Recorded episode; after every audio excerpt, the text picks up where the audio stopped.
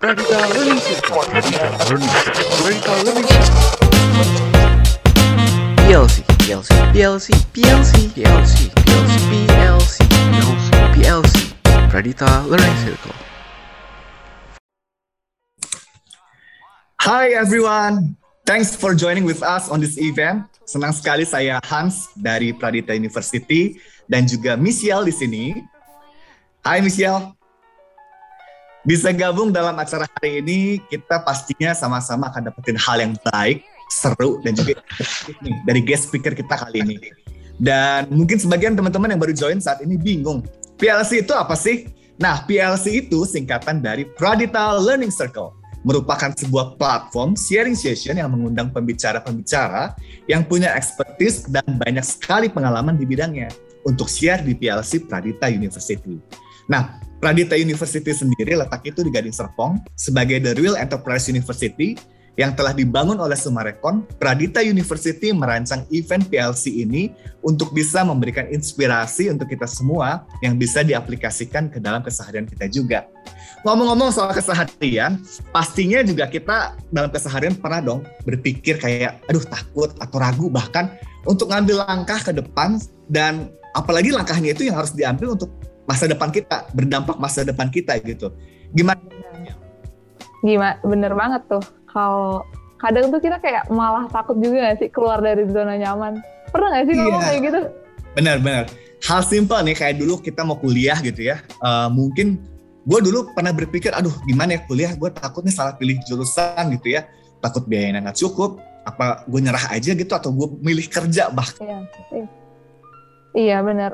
Tapi kadang tuh kadang mikir gak sih kok kayak kuliah nggak kuliah tuh kayaknya sama aja nggak ya? Atau malah berdampak banget gak ya? Tapi kalau misalnya kita udah kayak kayaknya nggak kuliah aja deh. Udah yakin belum nih sama nggak kuliah aja nih gitu. Nah, sama Kan kayak kita juga tahu kan fenomena-fenomena di luar juga bahwa orang sukses tuh banyak juga yang tanpa kuliah, bener gak sih? Dan everyone has their own path gitu. Nah, mungkin kita juga ada dalam salah satunya gitu. Tapi gimana sih kalau ternyata kita udah kuliah dan malah kerja mungkin gak sesuai dengan jurusan Shell. Rugi banget dong kita. Tapi emang ada tuh yang namanya salah jurusan. Salah jurusan Bisa tuh jadi. salah jurusan gak sih? Apa apa kayak cuma kita tuh kayak lagi stres aja terus bilangnya salah jurusan gitu. Nah, hari ini kita mau kumpas tuntas ya, karena hari ini kita akan ngobrol bareng dengan salah satu perempuan pen dari tanah air, guest speaker kita. Dan di tengah kondisi perekonomian keluarga yang sulit, eh, beliau mampu mengan- em, menggandeng beberapa penghargaan bergengsi tentunya. Oh yang bener. Nih Benar. apa namanya? Aku juga dari ekonomi sulit tapi nggak ada penghargaan. Untuk perempuan ini berbeda karena Oh gitu. sebagai woman in technology dan mendapat berbagai penghargaan lain seperti Woman of the Year, 4.0 under 40 dari marketeers. Oh luar biasa ya. Cewek ya padahal ya. Cewek, Tapi tadi siap. apa penghargaannya IT IT gitu. Iya, karena dia tuh unik loh. Eh, walaupun punya ketertarikan pada bidang IT gitu ya dan matematika, beliau juga punya hobi yang lain, nulis sama desain. Bahkan, nah bahkan Gimana? dia tuh punya buku loh eh, berjudul Purpose: Living in the Process. Puisi ya. Ih, betul banget. Iya ampun. Itu Oke. unik banget sih. Nggak sabar Dan nih. Oke, dan kita langsung sampai aja. Please welcome Kak Alamanda. Hai Kak. Hai Kak. Halo Hans dan Mbak Michelle ya. Iya, halo, halo, Kak. halo, halo. Halo, Hai, keren Kak. banget. Gimana Apa kabar, kabarnya? Kak? Sehat? Baik, baik. Senang banget nih pagiin, eh pagi di Jakarta Oh. ini ya. Um, Iya. Sore ya. Sore Iya, ya. di sana pagi ya. Iya. Lihat, lihat ad- adiknya di sini kayaknya ya masih pada Iya, bener. masih pada pakai seragam. Senang banget aku selalu kalau ketemu sama adik-adik dia bisa bisa berinteraksi. Ya, aku juga masih adik-adik kok, Kak. Seneng banget nih Kak. Eh, thanks for joining with us. Eh, kita bisa ngobrol-ngobrol nih sama Kak Alas ya. Iya, bener. Ngobrol soal apa? ketertarikan di bidang IT dan matematik gitu. Nah mungkin waktu kecil Kak Ala punya hobi atau passion mungkin dan kenapa bisa sampai akhirnya suka dengan kayak uh, bidang IT kayak coding dan lainnya gitu. Iya, mungkin zaman aku kita belum ngomongin fashion ya, karena nggak nggak ngerti juga dulu fashion itu apa kayaknya ya kalau teman-teman sekarang mungkin lebih banyak resource yang bisa dicari uh, gitu. Kayak internet udah terbuka banget. Jadi mungkin lebih banyak tahu sebenarnya ya zaman sekarang. Karena zaman zaman aku dulu kalau mau cari uh, knowledge cari informasi ya adanya koran sama majalah ya kan? Zaman dulu majalah Bobo majalah Gadin dan dan buku ya kan? Dan um, waktu itu kalau ditanya kenapa aku akhirnya masuk ke dunia teknologi. Sebenarnya um, aku bukan cuma masuk ke coding aja tapi aku juga belajar banyak tentang desain. Aku juga dulu sempat suka uh, compose musik juga gitu pakai pakai komputer. Um, banyak hal ya dan sampai ngulik ke hardware hardware juga. Karena apa? Karena memang uh, dari curiosity kali ya. Jadi dulu tuh waktu kecil tuh aku aku anak perempuan gitu kan, tapi aku gak gitu suka main boneka karena kalau boneka tuh kayak nggak bisa dibongkar gitu. Ya kalau boneka kan kalau dibongkar itu kan isinya paling cuma kapas doang gitu ya. Iya, nah jadi dulu aku sukanya tuh main mobil-mobilan, main Tamiya, main uh, um, kayak mobil-mobilan pakai remote control gitu karena di situ tuh biasanya menurut aku lepas gitu kan sampai aku oh. nyala gitu. Jadi menurut aku kayak um, aku sampai akhirnya masuk ke dunia teknologi semuanya karena curiosity gitu. Nah, uh, jadi dimulai dari curiosity itu dan aku nggak selalu uh, mikir ya semua ini tuh harus aku explore gitu. Jadi waktu itu kebetulan pas internet baru masuk ke Indonesia itu bayangin ya umurku ya hmm. teman-teman di sini semuanya ya.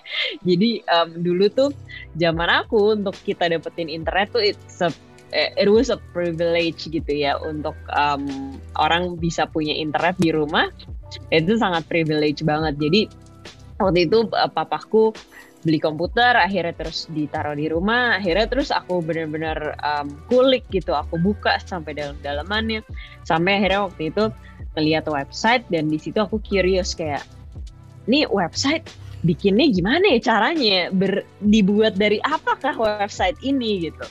Akhirnya dari situ aku mulai belajar coding dan again waktu itu yang namanya uh, informasi itu belum ada YouTube kayak sekarang belum ada Udemy gitu kan jadi waktu itu uh, satu-satunya informasi aku tuh dari buku. Dan waktu itu di Indonesia baru ada cuman satu buku mengenai uh, gimana caranya bikin website di Gramedia. Dan akhirnya waktu itu uh, ada ada sepupuku juga datang dari London. Dia tinggal di London, lagi uh, ke Indonesia dan dia kebetulan ngambil ngambilnya engineering jadi dia ngajarin aku gitu dan hmm. dari situlah akhirnya aku explore banyak banget gitu dan ya again waktu itu sebenarnya aku juga nggak ngerti fashion tuh apa gitu ya aku cuman yeah. yang aku tahu cuman kayak rasa kepengen tahu aja rasa kepo itu kemudian aku selalu lurkan kebetulan ke tempat-tempat yang bagus gitu ya dan sebenarnya dari situlah aku tuh um, mulai aku banyak melihat teman-temanku tuh um, mereka mungkin ngelihat belajar itu sebuah hal yang menyeramkan gitu kan. Bukan sebuah hal itu yang menyenangkan gitu. Karena aku um, akhirnya mendapatkan uh, bahwa oh exploring something new tuh uh, benar-benar seru gitu kan dan mungkin juga zaman itu aku nggak mikir bahwa itu aku lagi belajar karena aku ngelihat itu sebuah permainan jadinya gitu kan jadi kayak aku nih lagi main gitu, aku lagi main musik gitu kan ya kurang lebih gitu sih Mas Hans dan Mbak Michelle Oke, Kak, kalau aku boleh tahu nih, kan biasanya kalau misalnya yang suka IT itu biasanya cowok ya? Ya nggak sih? Kayak relate banget nih kalau IT itu sama cowok. Uh, emang ya. dulu papa atau apa gitu mungkin ada yang suka sama IT juga ada yang suka sama matematika terus jadinya akhirnya kakak suka apa gimana tuh apa emang ya murni karena penasaran aja gitu iya iya iya Iya, kalau uh, matematik mungkin teman-teman di sini nggak tahu. Um, aku ngambil kuliahnya matematik sama um, computer science atau IT gitu. Uh, dan kalau dulu matematik sebenarnya karena again papaku tuh waktu kecil juga jadi dia tuh kalau ngajarin sesuatu kayak lagi ngajak main gitu. Jadi jadi bukan sesuatu yang oh. dipaksakan gitu. Jadi waktu aku umur sekitar 3 atau 4 tahun mungkin di saat teman-teman aku belum bisa baca angka even gitu ya, belum ngerti banget angka. Dia udah ngajarin aku ratusan tambah ratusan gitu dan dia buat wow. itu jadi dan jadi kayak eh, bermain gitu kan. Dan dan ya dari situlah um, kecintaanku kepada matematik tuh uh, tumbuh gitu karena karena juga aku selalu ngelihat matematik itu sesuatu hal yang seru banget untuk di crack gitu. Again, jadi uh, ini udah ditumbuhin banget sama papaku bahwa belajar tuh bukan hal yang menyeramkan gitu. Ini tuh sebuah hal yang menyenangkan gitu. Dan again, kalau kita ngomongin masalah um, dunia IT itu dunianya uh, cowok gitu. Nah, dulu juga aku tuh nggak pernah punya pemandangan itu gitu. Aku nggak punya nggak pernah ngerti bahwa oh dunia IT ini dunianya cowok gitu karena uh. papaku sesimpel bawa komputer ke rumah terus dia bilang udah dimainin aja komputernya gitu kan. Jadi um, aku nggak pernah tahu bahwa oh ini tuh dunia cowok gitu. Jadi uh, mudah-mudahan juga generasi-generasi selanjutnya udah nggak ada lagi tuh pemikiran bahwa dunia IT itu adalah dunia cowok gitu dan yeah. um, aku juga yang akhirnya nggak pernah punya pemikiran itu akhirnya aku berani untuk masuk ke situ karena aku selalu makanya dari situ aku selalu percaya bahwa semuanya itu tuh start from our mind gitu kalau misalnya kita bilang kayak oh dunia IT ini dunianya cowok gitu akhirnya um, kita jadi nggak mau masuk sana gitu kan ya. Jadi hmm. kayak ada barrier gitu untuk kita masuk sana. Jadi aku nggak pernah mikir bahwa itu dunia cowok akhirnya aku masuk sana dan um, kayak nggak ada hal yang harus dibeda-bedakan sih antara hmm. kayak um, cewek dan cowok gitu kan ya. Karena aku survive survive aja di dunia ini gitu. Kira-kira gitu sih mbak Michelle. Keren keren banget keren banget ya. Kalau Kak Ala tadi uh, dimulai dari rasa curiosity-nya gitu ya, penasarannya untuk belajar. Ternyata dampak pengaruh lingkungan juga pengaruh ya kak ya. Dari cerita Kak Ala tadi kita dapat bahwa orang tua Kak Ala juga memberikan pelajaran tuh have fun gitu ya, membuat jadi lebih asik untuk belajar gitu. Iya benar. Jadi kalau kemarin diajarin papa kayak seru gitu, akhirnya iya. mau belajar gitu kan jadi semangat untuk belajar gitu kan. Uh, faktor itu juga berarti pengaruh ya ada ada pengaruhnya. Nah, PLC PLC PLC Pradita Learning Circle. Nah uh, kalau Kak Ala sendiri nih kalau misalkan uh, cerita tentang matematik gitu kan. Matematik sih jujur uh, sendiri musuh bebuyutan kak gitu ya Susah banget tuh kan. Aku juga gak bisa. coba coba teman-teman di sini siapa yang iya. bebuyutannya matematik tolong dikasih Angkat reaction. dong, kasih reaction. Kalau nggak gitu, kalau nggak suka sama matematika nih, aku juga. Oh banyak ternyata. Udah. Ada yang ngangkat tangannya banyak. Ada teman. saya juga raise hand. langsung ya. Iya, karena mungkin ya, karena apa ya matematik tuh menurut saya agak sulit dan juga uh, wah harus berpikir keras gitu matematik. Nah, Kak, kalau bisa ada ketertarikan ke sana, ada triggering dulu kah mungkin gitu? Iya iya. Um, tadi sih yang aku mungkin ya kayak karena waktu itu aku ingat banget momen di saat papaku pertama kali ngasih angka gitu ya. Um, itu tuh bukan hal yang menyeramkan. Jadi aku selalu mikirnya kayak oh iya ini ini fun gitu. Bahkan dulu tuh aku um, ini kan les aritmatika nggak tahu ya sekarang masih ada atau enggak ya tapi um, apa ngitung pakai sempoa ya pakai abakus gitu um, aku sampai tamat karena nggak banyak orang Indonesia yang bisa sampai tamat uh, les abakus itu dan dan karena les abakus itu aku tiap hari kalau di mobil tuh ya ngitungin uh, plat nomor orang terus aku jumlahin gitu kayak Astaga. karena buat aku kayak angka tuh sesuatu hal yang menyenangkan banget gitu jadi secinta itu gitu jadi again memang benar banget tadi yang Mas Hans bilang kayak lingkungan itu sangat mempengaruhi cara kita berpikir. Nah makanya um, kenapa uh, orang zaman dulu juga bilang gitu kan kayak kita harus punya lingkungan yang suportif gitu. Nah itu sebenarnya salah satu yang di binar itu kita ciptakan juga gitu gimana punya lingkungan yang suportif kayak um, mungkin kan memang kita fokus dalam um, mengajarkan skill-skill digital atau skill-skill IT gitu ya. Dan di saat kita ngomongin IT orang-orang tuh pasti langsung aduh susah gitu kan ya. Aduh kayaknya serem banget gitu. Nah, jadi memang penting banget untuk kita bisa menciptakan lingkungan yang suportif di mana orang pas belajar tuh nggak ngerasa dijudge gitu. Orang pas belajar itu um, justru kayak pasti ada biasanya saat dalam satu kelas aku selalu ngeliatin dinamikanya pasti ada yang udah pinter banget nih gitu ya. Yang sebenarnya ikut binar tuh mungkin ya benar-benar hanya mau upskill aja gitu karena dia udah udah bisa coding udah bisa segala macem. Dan um, dan di situ kita gimana caranya uh, justru anak-anak yang pinter ini bisa ngajarin teman-teman yang belum bisa gitu. Bukan sebaliknya bukan kadang-kadang um, ada anak-anak yang pinter yang akhirnya malah uh, suka kurang suportif gitu ya sama teman-teman yang belum bisa belum bisa gitu. Dan padahal juga nih mungkin buat teman-teman di sini yang uh, nilainya bagus gitu kan ya. Padahal di saat kita belajar itu cara otak kita bekerja itu bisa maksimal bisa kita bisa menyerap pembelajaran keseluruhan secara 100% itu di saat kita ngajarin orang Nah, ngajarin orang itu punya impact sendiri sekitar 30%.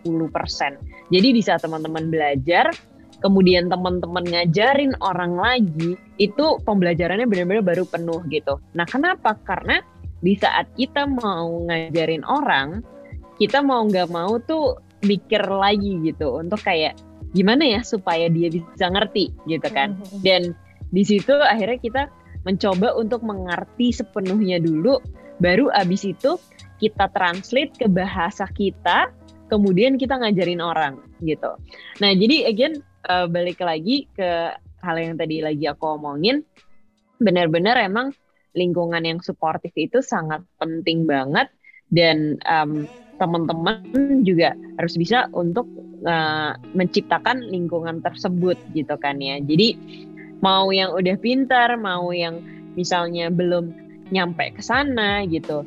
Gimana yang teman-teman yang uh, apa namanya yang masih struggle, yang masih kesulitan mungkin gimana untuk bisa kolaborasi sama teman-teman yang udah pintar gitu. Aku dulu kalau di sekolah aku dulu bandel banget sebenarnya aku bukan anak yang rajin sekolah gitu ya sebenarnya gitu ya.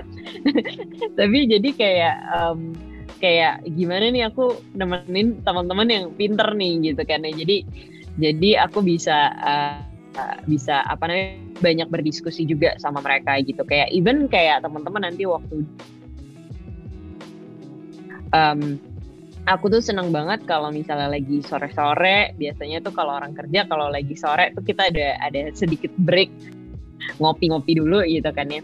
Gimana um, aku bisa menciptakan diskusi-diskusi yang yang nggak begitu serius tapi ada um, experience atau knowledge yang bisa kita bagi itu pas lagi ngopi-ngopi gitu kan. Jadi di situ um, di kerjaan tuh kita bukan kerja doang tapi uh, ada sesuatu yang bisa kita pelajari dari satu sama lain. Karena aku juga dalam hidupku ini aku aku percaya bahwa semua orang itu tuh bisa menjadi um, source of knowledge gitu ya. Jadi knowledge tuh bukan cuman kita dapat dari nonton YouTube atau nonton baca buku gitu tapi semua orang yang ada di sekitar kita kalau kita gali itu pasti mereka punya cerita gitu. Kayak dulu waktu aku uh, bangun Gojek gitu kan um, di situ aku banyak banget berinteraksi sama driver Gojek. Di situ aku banyak banget dapat pengalaman dapat pembelajaran dari mereka. Sekarang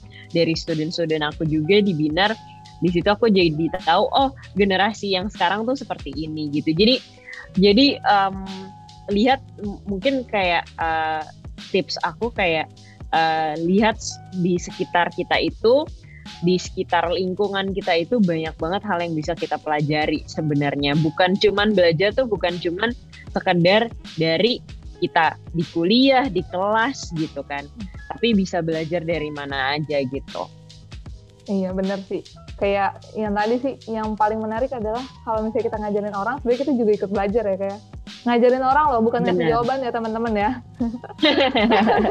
beda tipis ya beda, tipis nanti beda oke kak ini nih ya kita kan keren banget nih kayaknya judul kita nih apakah jurusanmu akan menjadi karirmu nih kak katanya ya hmm, ya kan hmm, hmm, nah hmm kalau katanya survei ini kak, ada 87% mahasiswa merasa salah jurusan.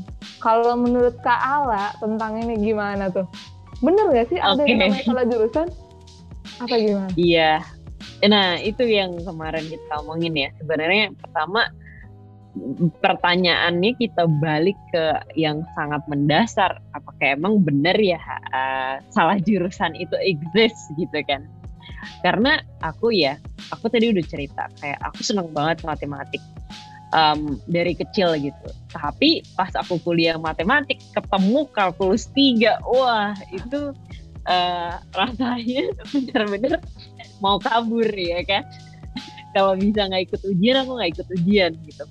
Karena susah banget gitu. Buat aku yang udah cinta matematik aja ketemu kalkulus tiga tuh susah gitu. Dan di situ aku mikir kayak ada second thought kayak um, apa ini aku salah jurusan ya gitu ya. Jadi bayangin itu aku yang bisa dibilang kayak passionate banget sama matematik gitu.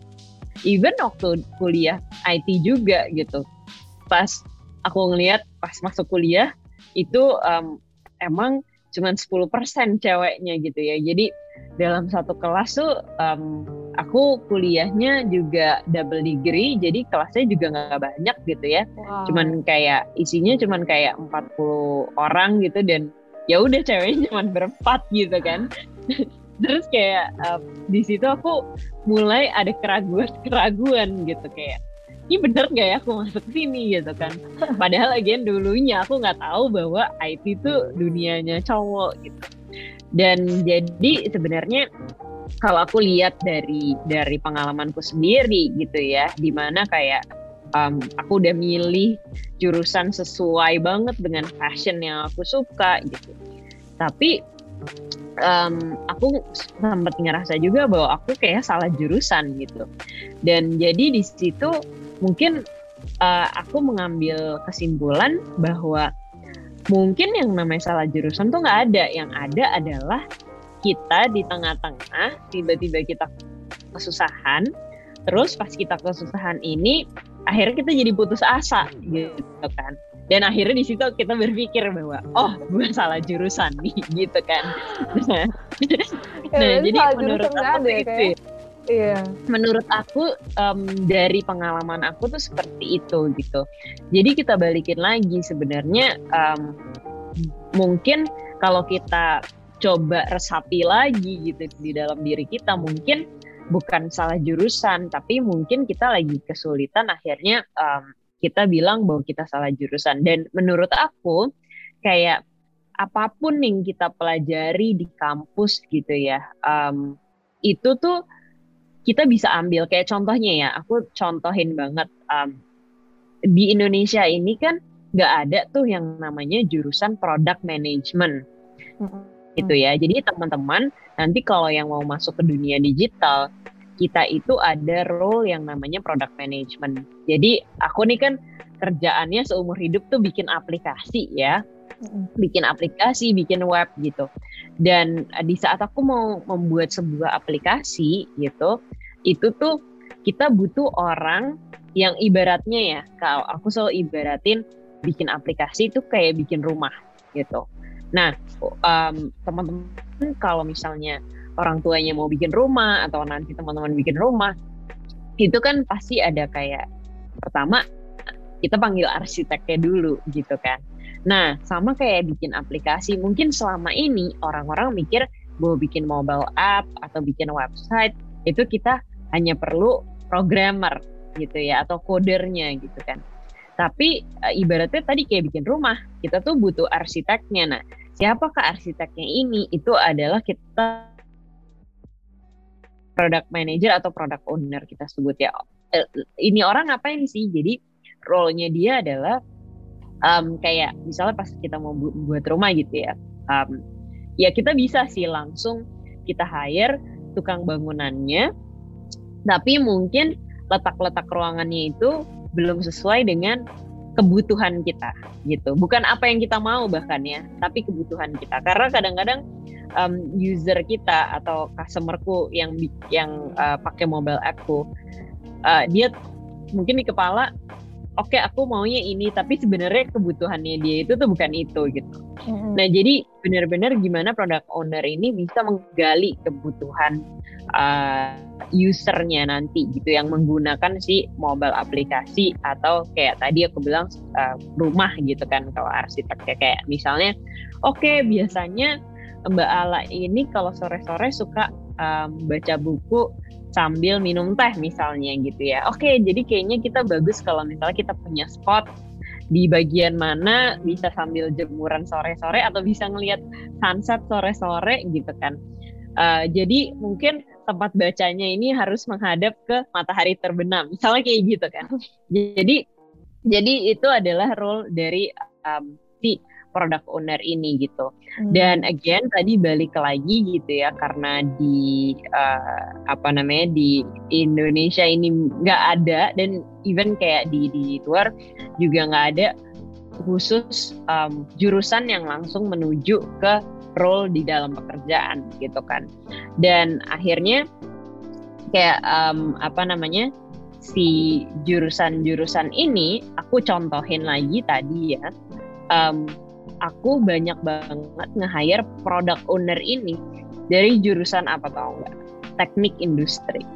Nah, itu kan aneh banget ya kayak dari teknik industri. Aku juga dulu nggak tahu ya teknik industri itu ngapain gitu kan. Setelah kayak aku banyak interview orang, akhirnya aku tahu kayak oh teknik industri itu kayak um, bikin planning untuk bikin pabrik gitu kan. Terus kayak hmm. oke okay, um, bikin pabrik ya zaman zaman sekarang gitu kan. Nah, jadi aku banyak hire dari teknik industri. Kenapa? Setelah aku banyak interview orang-orang dari teknik industri, lulusan lulusan teknik industri. Mereka itu bagus banget untuk bikin planning karena ya tadi ya aku bilang biasa mereka bikin planning untuk pembuatan pabrik dan lain-lain gitu kan. Dan jadi si product owner tadi aku kan bilang ya kayak itu kayak arsitek gitu di mana arsitek itu harus pinter untuk bikin planning dulu gitu. Abis itu baru setelah dia tahu oh um, yang punya rumah pengennya kayak gini bentuknya kemudian dia bikin plan untuk dia um, untuk si timnya bisa eksekusi gitu kan. Hmm. Jadi same goes with this um, teknik industri graduates gitu dan akhirnya jadi di situ aku banyak banget nge-hire teknik industri dan balik lagi ke poin aku adalah um, gak ada yang sia-sia gitu ya dari kita kuliah. Karena ada aja ternyata yang bisa kita ambil terutama kayak tadi itu aku ceritain sedikit mengenai mindset gitu kan. Akhirnya cara berpikir lulusan teknik industri itu selalu di saat kita mau mengeksekusi sesuatu hal gimana caranya kita planning dulu. Dan ini teman-teman percaya uh, sama aku nanti pas pas kerja itu teman karena di saat kita mau mengeksekusi sesuatu di otak tuh harus segera mikir oke okay, aku mau buat ini gimana caranya aku menuju ke sana? Harus dibuat plannya dulu gitu. Jadi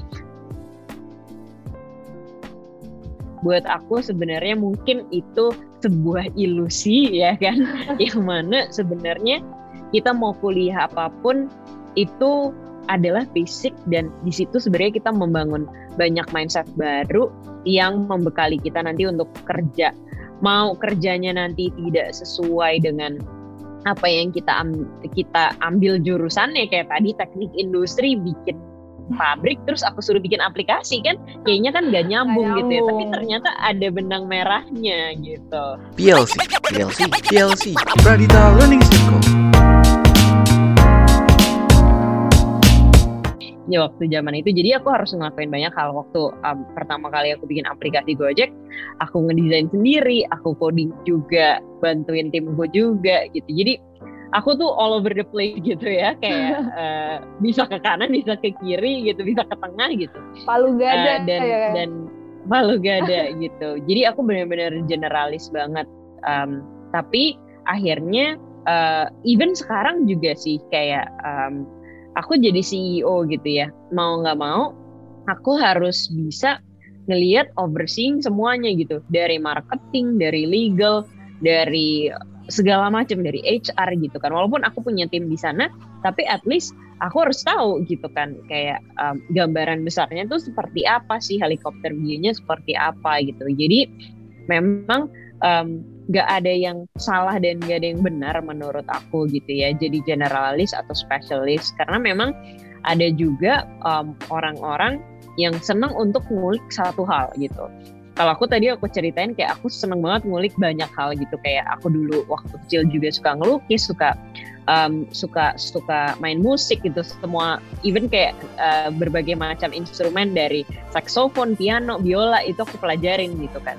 Tapi kan memang nggak semua orang tuh seperti itu gitu ya. Um, ada yang memang pengennya fokus satu aja gitu. Misalnya kayak uh, ada yang suka baca komik ya udah baca komik aja gitu kan ya. Nah, kalau aku nggak kayak gitu gitu. Jadi again sebenarnya um, jadi just just just explore yourself, just be yourself gitu kan kita nyamannya di mana gitu. Dan um, nanti pun di dunia pekerjaan kayak kayak aku juga menyiapkan karir-karir untuk orang-orang yang um, mungkin dia lebih kepada spesialis gitu. Tapi memang di zaman seperti ini ya, sekarang ini ya, aku ngelihat uh, seperti contohnya aku di dunia teknologi. Akhirnya gimana sih aku bisa berkarir di dunia teknologi? Sebenarnya aku itu um, dulu uh, sempat aku masuk juga ke dunia fashion gitu, karena aku juga suka fashion dan um, dan waktu itu kayak uh, zaman zamannya uh, denim tuh baru masuk ke Indonesia baru diomongin banget uh, denim gitu ya. Dan di situ akhirnya aku bikin komunitas denim. Dan di situ aku ketemu sama orang-orang dari fashion industry gitu yang jauh banget mungkinnya dari teknologi ke fashion gitu kan.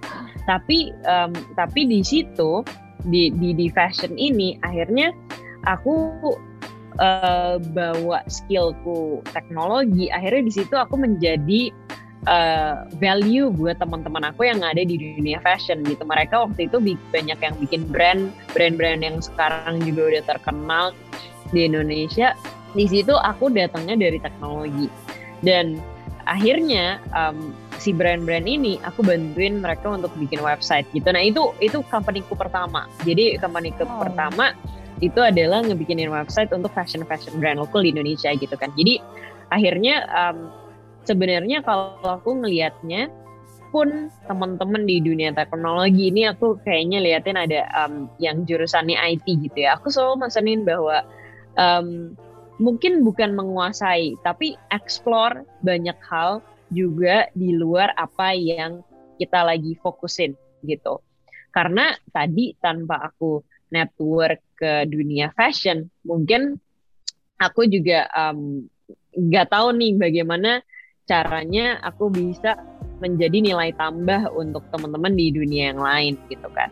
Apalagi dunia IT itu adalah uh, kita itu tuh selalu berada di tengah-tengah karena kita itu adalah uh, nilai tambah untuk industri lain. Teman-teman liatin kayak Tokopedia. Tokopedia tuh sebenarnya industrinya bukan digital, tapi industrinya apa? Mereka itu ngebantuin UMKM UMKM gitu kan untuk bisa berjualan gitu. Gojek industrinya bukan digital, bukan teknologi, tapi industri transportasi gitu. Bahkan sekarang udah meluas lebih dari sekedar transportasi. Jadi dunia keuangan juga masuk ke situ, ada GoPay gitu kan. Dan hmm. akhirnya teknologi itu menjadi nilai tambah untuk industri tersebut. Jadi penting banget untuk kita itu branch out ke mana-mana kayak even kayak marketing juga ya. Um, kita bisa menjadi nilai tambah di berbagai macam tempat gitu. Jadi keep exploring things. Again balik lagi ke masalah curiosity gitu kan. Tapi aku sebelum ke mana-mana, uh, mungkin teman-teman juga bertanya gitu kayak terus gimana caranya uh, menumbuhkan rasa penasaran itu gitu ya. Nah, nah mungkin um, aku punya, nah iya itu penting banget soalnya aku punya sedikit tips gitu kayak di saat aku udah ngerasa kayak oke okay, aku I'm not doing anything gitu kan ya. Um, terus biasanya aku tuh um, suka nge-challenge diri aku sendiri gitu ya untuk oke okay, di hidup gue nih ada problem apa sih gitu kan. Nah, biasanya dari aku screening my problems di situ aku akhirnya ketemu kayak oh, aku tuh kayak lagi kesulitan masalah ini gitu. Kayak aku lagi um, misalnya ya ke pas bangun binar nih um, tahun ketiga gitu ya. Kayak uh, aku udah mulai kayak stagnan gitu kan apa yang aku lakuin ya udah udah udah kayak gitu-gitu aja gitu dan akhirnya um, di situ kita ada masalah gimana sih build awareness mengenai digital skills gitu kan? Itu bagian marketing banget gitu kan uh, nge-build awareness gitu. Dan akhirnya di situ aku kayak punya project baru yang aku belum bisa crack nih gitu. Nah dari dari kita punya sebuah problem dan kita mikir bahwa ini something yang aku harus crack di situlah aku mulai kayak uh, tumbuhlah rasa curiosity itu. Sebenarnya sama kalau kita tadi connect the dot sama cerita aku waktu aku kecil gitu kan. Hmm. Di mana aku ngeliat sesuatu nih misalnya kayak oke okay, aku ngeliat um, apa namanya mobil-mobilan gitu kan ya. Apalagi kalau mobil-mobilan itu rusak, aku tuh lebih curious lagi gitu kan. Untuk gimana caranya ngebenerin gitu dan aku explore. Jadi coba teman-teman temuin problems yang ada di um, hidup teman-teman gitu. Kemudian benar-benar cari uh, core problemsnya itu apa dan di saat kita jadiin problems ini sesuatu hal yang kita pengen explore di situ mau nggak mau kita nge-push diri kita untuk cari tahu cari tahu lebih lanjut gitu. Kayak dulu waktu um, aku bikin bikin bikin aplikasi pertama-tama kali gitu ya.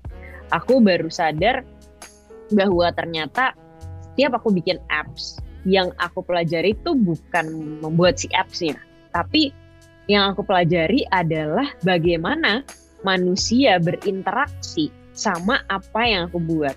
Kayak contohnya teman-teman di sini ya, um, buka sebuah aplikasi gitu ya. Teman-teman pasti kan langsung react tuh, kayak even kayak aku selalu simpelnya bilang gini, button warna merah di dalam aplikasi sama button warna hijau di website itu membuat reaksi yang berbeda pada otak kita. Otomatis kalau kita ngelihat button warna hijau, pasti kita mau ngeklik, ya kan? Kalau button merah tuh kayak danger gitu. Makanya button warna merah itu dipakai untuk cancel. Gitu. Button warna hijau itu dipakai untuk continue. Gitu. Nah, jadi di situ aku belajar bahwa oh, waktu aku bikin aplikasi sebenarnya aku crack nih the human, the human brain bagaimana caranya bagaimana manusia bereaksi terhadap sesuatu.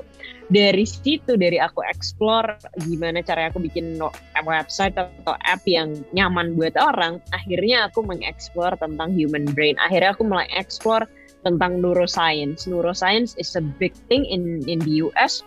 Kayak um, everyone talking about about neuroscience here tapi kita juga kita belum banyak ngomongin neuroscience di di di, di Indonesia, Indonesia gitu ya. Jadi dari situ kayak um, aku menemukan keyword-keyword baru yang akhirnya di situ aku kayak oke okay, aku masuk nih ke dunia ini. Aku coba dalemin lagi dunia ini. Even kayak um, talking about the human brain aku selalu passionate banget talking about the human brain gitu. Kayak di dalam pembelajaran juga di binar gitu kita mempelajari juga bagaimana cara otak manusia bekerja. Again uh, supaya end goalnya adalah kita bisa uh, membuat learning itu jadi sebuah hal yang fun gitu. Dari tadi kalau teman-teman perhatiin, aku pakai tangan aku ya kan uh, di saat aku ngomong gitu ya, karena ini adalah salah satu cara ternyata di saat aku mempelajari bagaimana kita mengajar online segala macam um, tatap mata uh, kita itu kayak aku benar-benar ngelihat uh, ke layar teman-teman itu penting banget untuk aku bisa engaging keep engaging with uh, with you. And then um, ternyata juga kayak tangan kita itu tuh juga penting banget. Nah di sini kalau misalnya semua guru itu paham tentang tentang hal-hal seperti ini gitu kita nggak bakalan struggling waktu kita uh, ngelakuin kayak tiba-tiba covid dan kita harus ngajar secara online gitu kan ya. Jadi again uh, ini aku ngomongnya jadi ke mana-mana ya saking keseruan ya. Itu dulu kayaknya aku stop dulu di sini. PLC PLC PLC Pradita Learning Circle. Anyway, kalau kita penasaran nih, kalau misalkan nih Kak Ala gak ambil jurusan atau berkarir dalam IT, mungkin gak sih kalau Kak Ala uh, bekerja dalam bidang lain? Desainer um, kan? Atau penulis bahkan? Iya, iya, iya. Sebenarnya sangat mungkin sih gitu ya. Um, karena karena mungkin mungkin juga kayak kayak um, aku di dunia IT kuliahnya gitu kan tapi akhirnya aku end up-nya ke education sekarang sebenarnya gitu kan ya bukan bukan yang pure dunia IT gitu jadi um, menurut aku masalah masalah itu gitu ya masalah kayak oke okay, aku bakalan end up di mana sih kita tuh nggak ada yang tahu gitu kayak kayak aku dulu cita-citanya itu sebenarnya abis aku lulus SMA tuh aku pengen banget jadi guru gitu. Abis itu um, aku mau ngambil S2, abis itu aku bisa jadi dosen, abis itu aku jadi, bisa jadi guru besar gitu kan. Nah aku tuh udah membangun pesta aku seperti itu gitu, tapi kayak ternyata kayak um, apa namanya jalan hidup tuh berkata lain gitu. Tapi um, akhirnya aku itu nyampe juga gitu kan ke dunia edukasi gitu ya. Jadi memang kadang kita tuh nggak pernah um, tahu kita bisa mikir kayak oke okay, abis ini aku mau ke sini aku mau ke sini gitu. Tapi uh, again di saat pasti kita tuh bakalan ketemu banyak banget harus memilih karena hidup itu adalah it's about making decision gitu ya. Even kayak aku sebagai CEO gitu ya dalam sehari itu kayak banyak banget decision yang mesti aku buat gitu. Makanya kalau teman-teman curious kenapa sih Mark Zuckerberg pakai bajunya itu itu terus gitu kan. Itu adalah salah satu cara dia untuk mengurangi decision yang harus dia buat. Aku kayak baca di sebuah um, buku gitu ya kayak se se se seseorang itu dalam sehari itu harus making decision itu lebih dari 100 decision sebenarnya. Kayak sesimpel kayak oke okay, aku abis ini mau ke mana? Aku abis ini makan apa gitu. Dan dan um, Mark Zuckerberg tuh tahu bahwa kayak otak kita tuh terbatas untuk making decision. Maksudnya kayak bukan terbatas tapi kayak semakin decision banyak harus yang kita bikin itu tuh semakin kayak menurun gitu kan. Di di setiap harinya of course kalau kita udah capek terus kayak disuruh mikir kayak um, mau makan apa nih gitu. Makanya sampai ada restoran namanya terserah gitu kan ya. Karena karena itu gitu kan. Dan dan um, ya again akhirnya akhirnya uh, apa namanya tim Mark uh, Zuckerberg itu akhirnya udah deh kalau pagi-pagi aku nggak usah decide aku mau pakai baju apa gitu. Bagus sebenarnya kayak kita di Indonesia tuh semuanya pakai seragam gitu ya karena udah harus decide nah jadi um, again dalam hidup tuh kita banyak banget yang harus di decide gitu ya. Tapi aku tuh selalu percaya bahwa um, di depan kita lagi ada apa I just follow my heart gitu kan. Kayak um, hmm. Kayak aku nggak pernah tahu juga akhirnya nyampe juga ke dunia edukasi gitu kan. Karena aku cuman karena gini kayak nggak ada sebuah keputusan yang salah menurut aku ya. Dalam hidup aku kayak aku nggak pernah regret dengan keputusan yang pernah aku buat. Orang semuanya nanya kayak um, aku keluar dari Gojek waktu Gojek habis unicorn gitu kan. Dan itu heboh gitu kayak semua orang nanya kok keluar dari Gojek lagi jaya jayanya Gojek itu baru jaya gitu kan. Terus um, dan aku mikir bahwa ya mungkin kalau aku nggak keluar saat itu nggak akan ada binar gitu.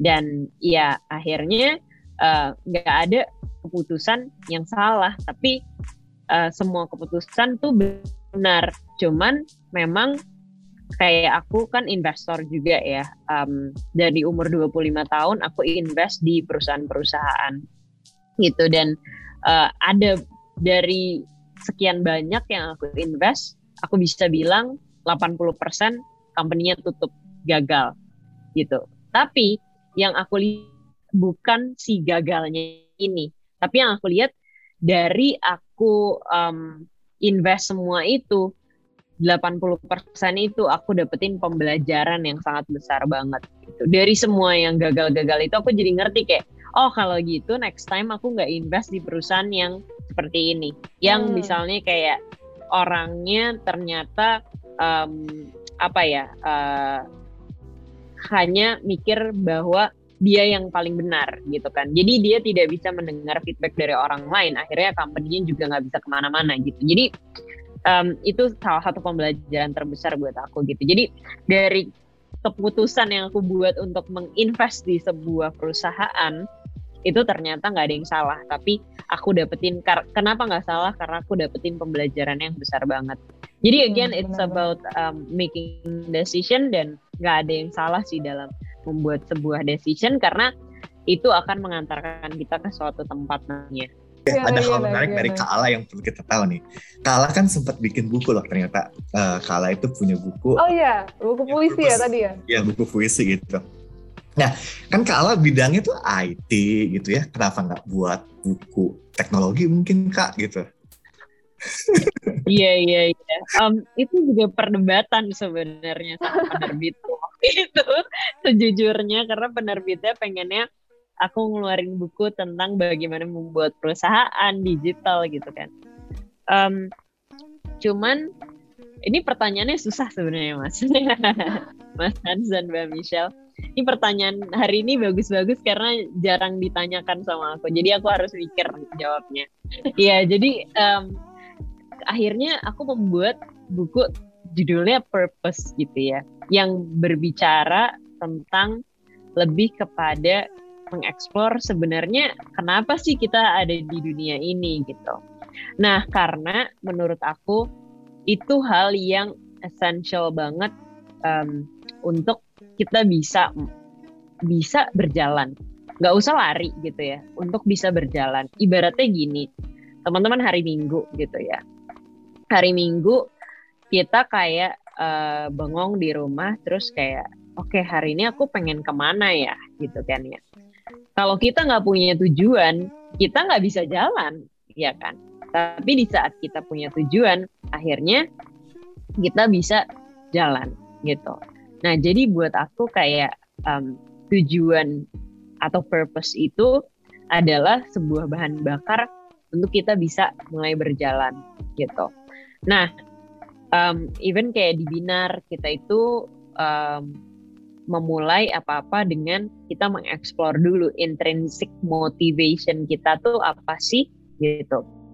Kayak kita melakukan sesuatu hal kalau kita nggak punya alasannya, again di tengah-tengah nanti kita bakalan uh, kalau ketemu kesulitan akhirnya mungkin kita bakalan putus asa gitu kan. Kayak aku membuat sebuah perusahaan gitu ya. Um, itu bu mungkin bukan hal yang bukan hal yang mudah gitu tapi challenging juga gitu. Tapi di saat aku selalu kalau misalnya lagi putus asa gitu ya aku balik lagi kayak sebenarnya aku ngapain sih? gitu. Dan dan akhirnya dengan inget lagi purpose aku itu apa akhirnya itu yang bisa bikin aku jalan lagi gitu. Dan um, aku juga nemuin my purpose of life itu aku nemuin bahwa purpose of life itu sangat penting itu juga aku butuh waktu gitu ya. Makanya um, itu aku sharing lewat bukuku itu karena aku pengen orang tahu bahwa seberapa pentingnya purpose of life ini gitu. Dan aku nemuin itu pas um, aku ada di Gojek pas aku ngebangun Gojek gitu ya. Kayak mungkin waktu sebelum aku ke Gojek gitu um, apa pun yang aku lakuin itu gimana caranya mungkin tadi Mas Hans juga cerita bahwa um, ekonomi keluarga aku sempat susah banget, aku nggak bisa kuliah gitu kan. Dan di situ aku mikir gimana caranya aku mengembalikan ekonomi keluarga aku balik lagi gitu. Karena waktu itu papaku stroke yang kedua dan akhirnya um, papaku nggak bisa kerja, benar-benar satu keluarga lumpuh gitu kan. Dan ya udah aku mikir gimana ya caranya aku dapat uang sebanyak-banyaknya untuk aku bisa balikin kondisi keluarga aku gitu. Dan um, ya di situ akhirnya yang aku kejar adalah itu. It's it's also a purpose gitu kan untuk aku mengembalikan ekonomi keluargaku gitu dan tapi aku nggak tahu di situ bahwa oh purpose ini penting gitu. Aku nggak bilang kayak mengejar uang itu um, apa namanya salah gitu ya. Kayak semua orang bisa punya purpose yang berbeda-beda gitu. Tapi again aku menemukan pentingnya purpose itu di saat pas aku masuk ke Gojek dan um, di situ aku baru kerasa bahwa oh aku itu mengejar hidup itu bukan hanya untuk materi gitu. Tapi um, bahagia ya. Aku pas ngeliat kayak pertama kali driver Gojek pegang um, aplikasi yang aku buat gitu kan dengan keringet dengan air mata gitu ya. Karena waktu itu aku cuma punya tim dikit banget gitu. Kita harus bangun um, Gojek cuma dalam waktu empat bulan tiga bulan. Dan uh, di situ aku benar-benar nemuin kebahagiaan dia. Saat aku ngeliat mereka bahagia banget dapat order di aplikasi mereka gitu kan. Dan mereka bahagia banget bisa mereka cerita kayak iya sekarang Sabtu Minggu bisa bawa anak-anaknya kayak makan KFC gitu kan. Hal yang simple banget yang mungkin buat kita we took it for granted gitu. Tapi buat mereka itu hal yang um, berharga banget gitu. Dan di situ aku baru ngerasain bahwa oh ternyata um, I think this is my purpose of life gitu. Um, aku ada di dunia itu bukan cuma untuk uh, diri aku sendiri, tapi gimana aku bisa uh, membahagiakan banyak orang gitu. Gimana aku bisa membantu hidup banyak orang gitu.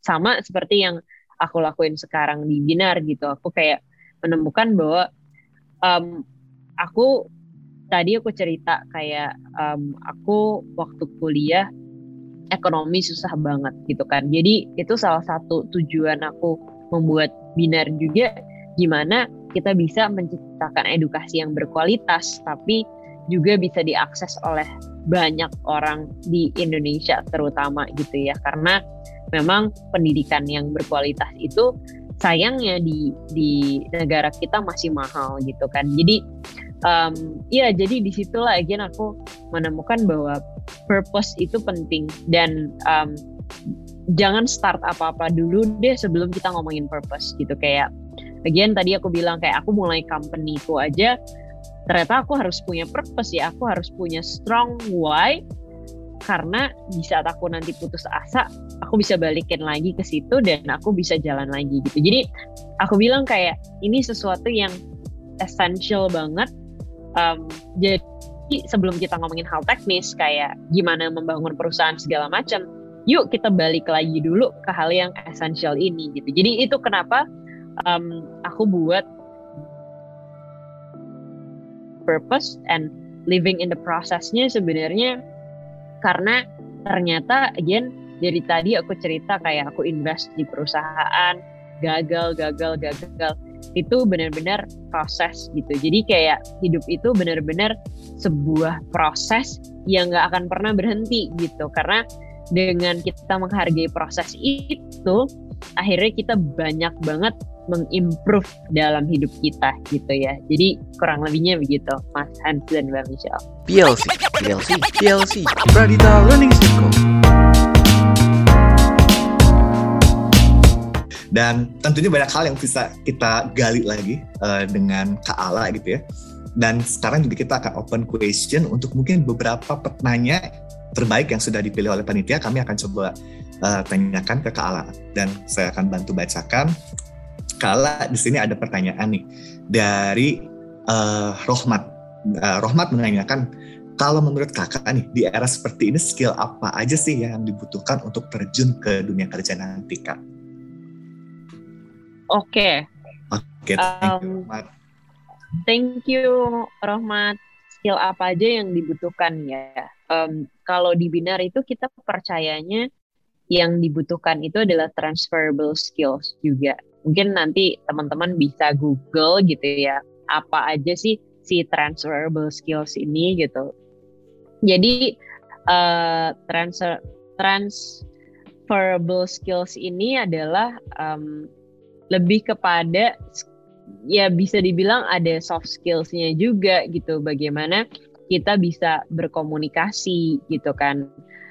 Um, gimana kita bisa punya yang namanya skill untuk research. Karena di zaman sekarang ini kita itu perlu banget untuk kita meresearch gitu. Kayak semua hal itu kita lakuin kita research dulu. Dan karena juga mungkin zaman sekarang itu informasi itu udah ada di mana-mana gitu kan. Jadi kayak contohnya ya um, mungkin aku contohin deh.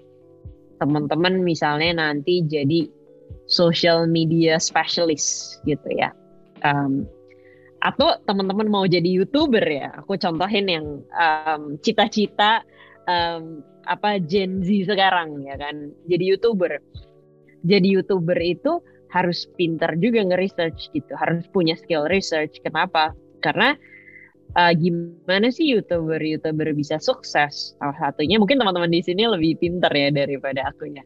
Uh, salah satunya adalah gimana kita tuh kenapa sih kita nonton YouTube channel seseorang gitu? Karena kita bisa ngerelate sama apa yang mereka omongin gitu kan ya. Kenapa sih kayak kalau misalnya ada sesuatu yang lagi heboh, terus orang itu pada pakai untuk diomongin di channel YouTube-nya. Misalnya kemarin Squid Game gitu kan, kayak semua brand, semua orang itu pakai Squid Game dibahas di social medianya, di YouTube dan lain-lain gitu kan. Nah, kenapa? Karena um, karena itu itu mereka lakuin research gitu ya. Jadi ternyata orang-orang itu suka ngelihat sesuatu atau mendengar sesuatu yang relate sama kita gitu karena itu kita perlu skill research gitu untuk untuk kita bisa tahu nih oke okay, kita mau bikin satu video kita research dulu apa yang harus um, apa yang tema apa yang harus kita angkat sekarang gitu kan nah jadi uh, jadi itu itu salah satunya research. Nanti teman-teman bisa again bisa explore lagi kayak um, ada juga mengenai communication yang tadi aku bilang gitu ya bahwa communication tuh penting banget gitu. Karena nanti ya di saat teman-teman um, kerja gitu ya uh, pasti teman-teman disuruh membuat sebuah hal gitu. Misalnya tadi kayak aku ngomongin um, sosmed specialist gitu ya dia harus membuat planning oke okay, di social media brand uh, atau kantor teman-teman mau isinya apa aja nih gitu kan. Nah uh, nanti di saat udah selesai membuat uh, plan itu kita kan juga harus presentasi nih ke leader kita gitu. Nah jadi skill communication ini diperlukan banget di saat gimana caranya kita bukan cuman uh, apa namanya bukan cuman bikin plan itu aja tapi gimana caranya bilang bahwa plan kita ini tuh udah tepat gitu. Nah, jadi itu sih um, kemudian juga uh, di transferable skill sebenarnya ada digital juga gitu ya karena memang again digital ini zaman sekarang itu even ya um, kita ngomongin orang HR gitu ya orang finance sekarang itu juga butuh orang HR itu harus bisa coding karena apa? Karena banget data yang diolah, yang harus diolah untuk mendapatkan sebuah insight gitu. Karena apa? Karena zaman sekarang automated. Hal simple ya. Zaman dulu, zaman aku kerja itu sebelum dia akhirnya jadi guru, dia jadi sekretaris ya kan. Um, sekretaris kerjanya untuk uh, apa namanya nyat jadwal segala macam gitu kan. Dan sekarang kayak mungkin sebagian pekerjaan sekretaris udah hilang gitu karena udah ada kayak Google Calendar udah ada email segala macam gitu kan. Zamannya udah beda banget gitu. Jadi kayak banyak hal, hal yang sudah diautomasi oleh teknologi. Jadi mau nggak mau pekerjaan yang monoton yang bisa dilakukan oleh teknologi itu akan tergantikan dan kita akan lebih banyak um, lebih banyak melakukan analisa uh, mencari insight gitu. Dan ini kita lakukan dengan mengolah data gitu. Nah jadi again uh, skill digital ini bukan cuman untuk orang-orang di dunia teknologi atau IT atau programmer tapi um, even ya orang HR, orang finance itu juga butuh skill digital gitu. Oke, okay. okay, thank you Kak Ala. Uh, Oke, okay, mungkin kita siapin dua penanya lagi, Sial. Iya nih, banyak banget lain. yang banyak banget yang nanya, tapi mungkin nanya. kita harus uh, batasi penanya-penanya terbaik ini. Mungkin Michelle ada pertanyaan dari Michelle dari penanya uh, terbaik. Boleh nih, Kak. Jadi itu ada pertanyaan dari Mark. Katanya, aku tuh kurang bisa beradaptasi bekerja dengan orang lain. Tapi aku sadar pentingnya untuk membangun relasi saat bekerja. Menurut Kak Alamanda nih, gimana sih cara membangun network yang baik? Soalnya kan kayaknya Kak Ala networknya keren banget gitu. Iya, iya, iya, iya, iya, iya. Iya, um, nih Kak jujur aja aku tuh orangnya introvert banget gitu ya. Makanya dulu aku suka main sendiri sama komputer gitu kayak jarang suka ke sekolah gitu. Karena buat aku berinteraksi sama orang itu tuh kayak um, it's not my thing gitu kan. Karena aku cukup introvert gitu kayak um, ya sebenarnya aku lebih suka sendirian di rumah gitu. Tapi um, mau nggak mau aku I need to push my limit gitu. Um, dan karena kayak sebagai orang um, apa entrepreneur gitu ya kita nggak bisa kalau kita nggak punya network gitu. Kayak kayak Binar bisa sampai sekarang ini karena um, karena network kita gitu kan. Jadi mau nggak mau aku harus melakukan itu gitu. Jadi it's about facing your fear gitu. Kayak um, dulu waktu belum pandemi um, apa namanya acara-acara seperti ini kan dilakukannya offline gitu ya. Aku tuh kalau turun dari stage jujur aja itu tuh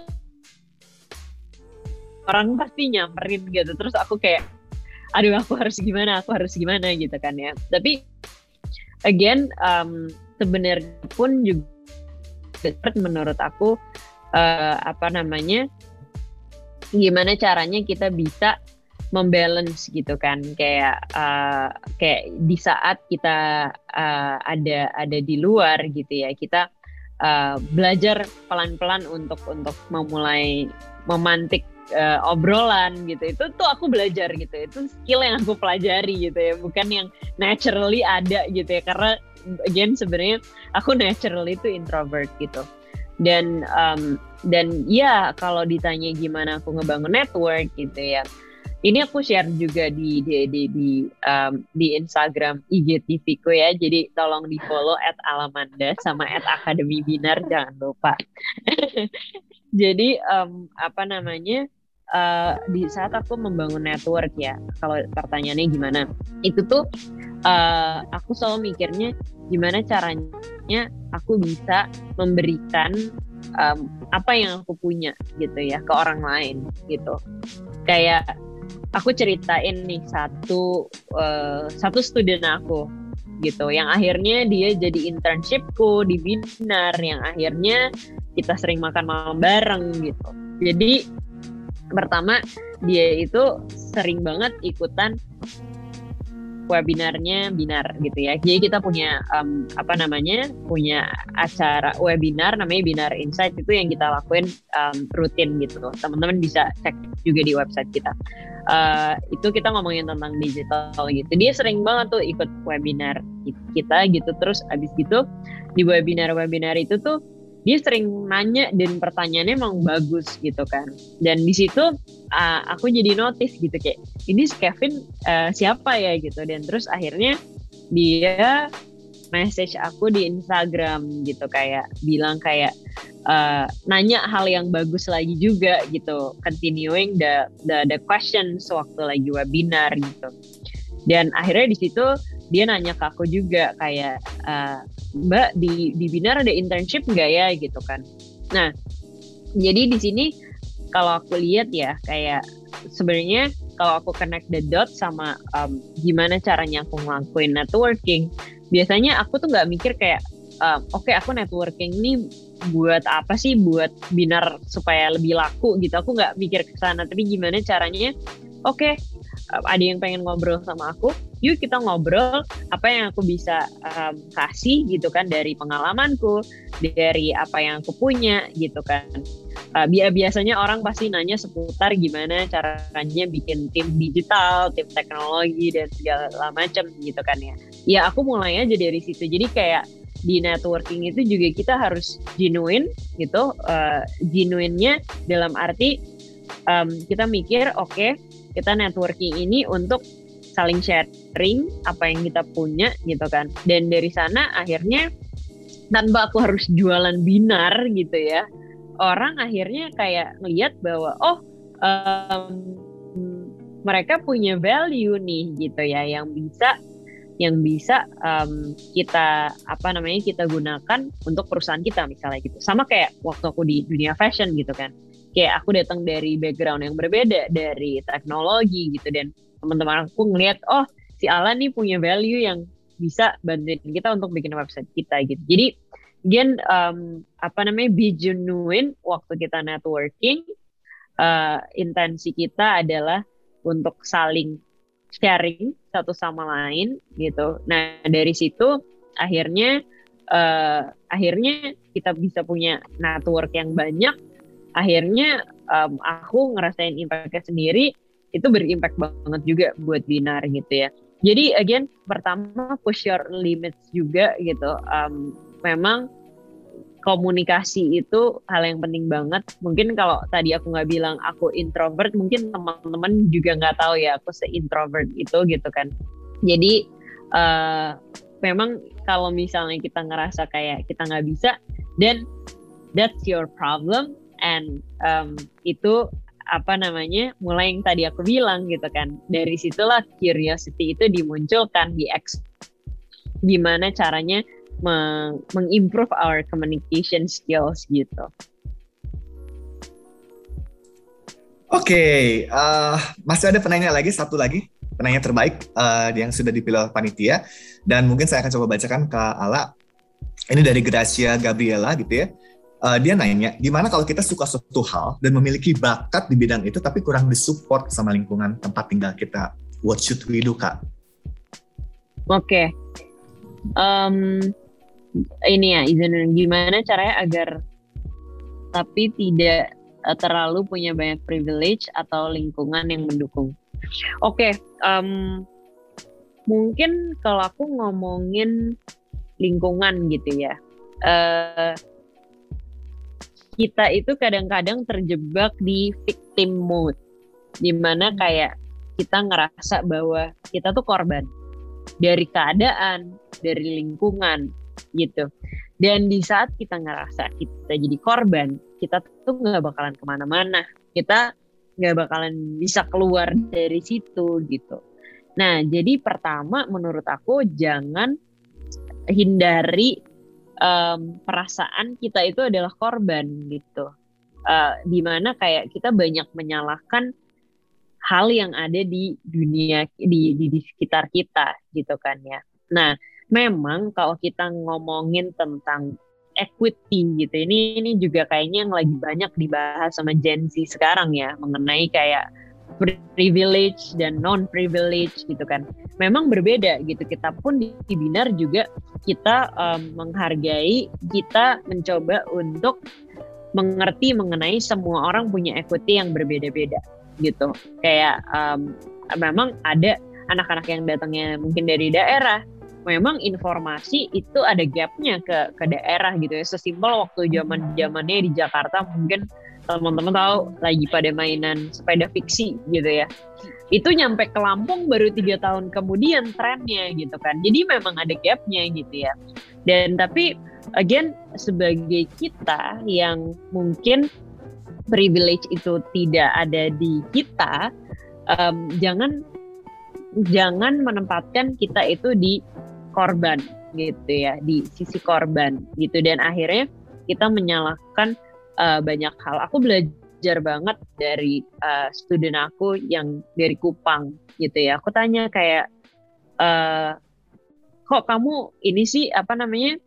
Kok kamu bisa tahu binar gitu kan? Sesimpel itu aja ya gitu kayak dia bilang emang kita tuh di Kupang tuh informasi tuh masih susah banget.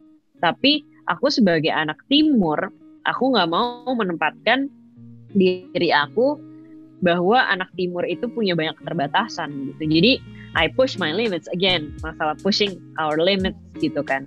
Jadi um, ya sama kayak waktu aku juga uh, papa kena stroke yang kedua, sakit ekonomi keluarga jatuh, aku bisa aja terus-terusan menyalahkan keadaan gitu. Kayak aduh kenapa sih papaku kena stroke? gitu kan. Aduh kenapa sih keluargaku jadi kayak gini? Tapi akhirnya kalau aku terus-terusan kayak gitu akhirnya apa? Aku nggak bakalan ke mana-mana gitu. Hmm. jadi aku harus kayak oke okay, um, kita taruh itu di belakang kita maju ke depan gitu. Dan ini juga salah satu contoh ya mungkin banyak um, teman-teman yang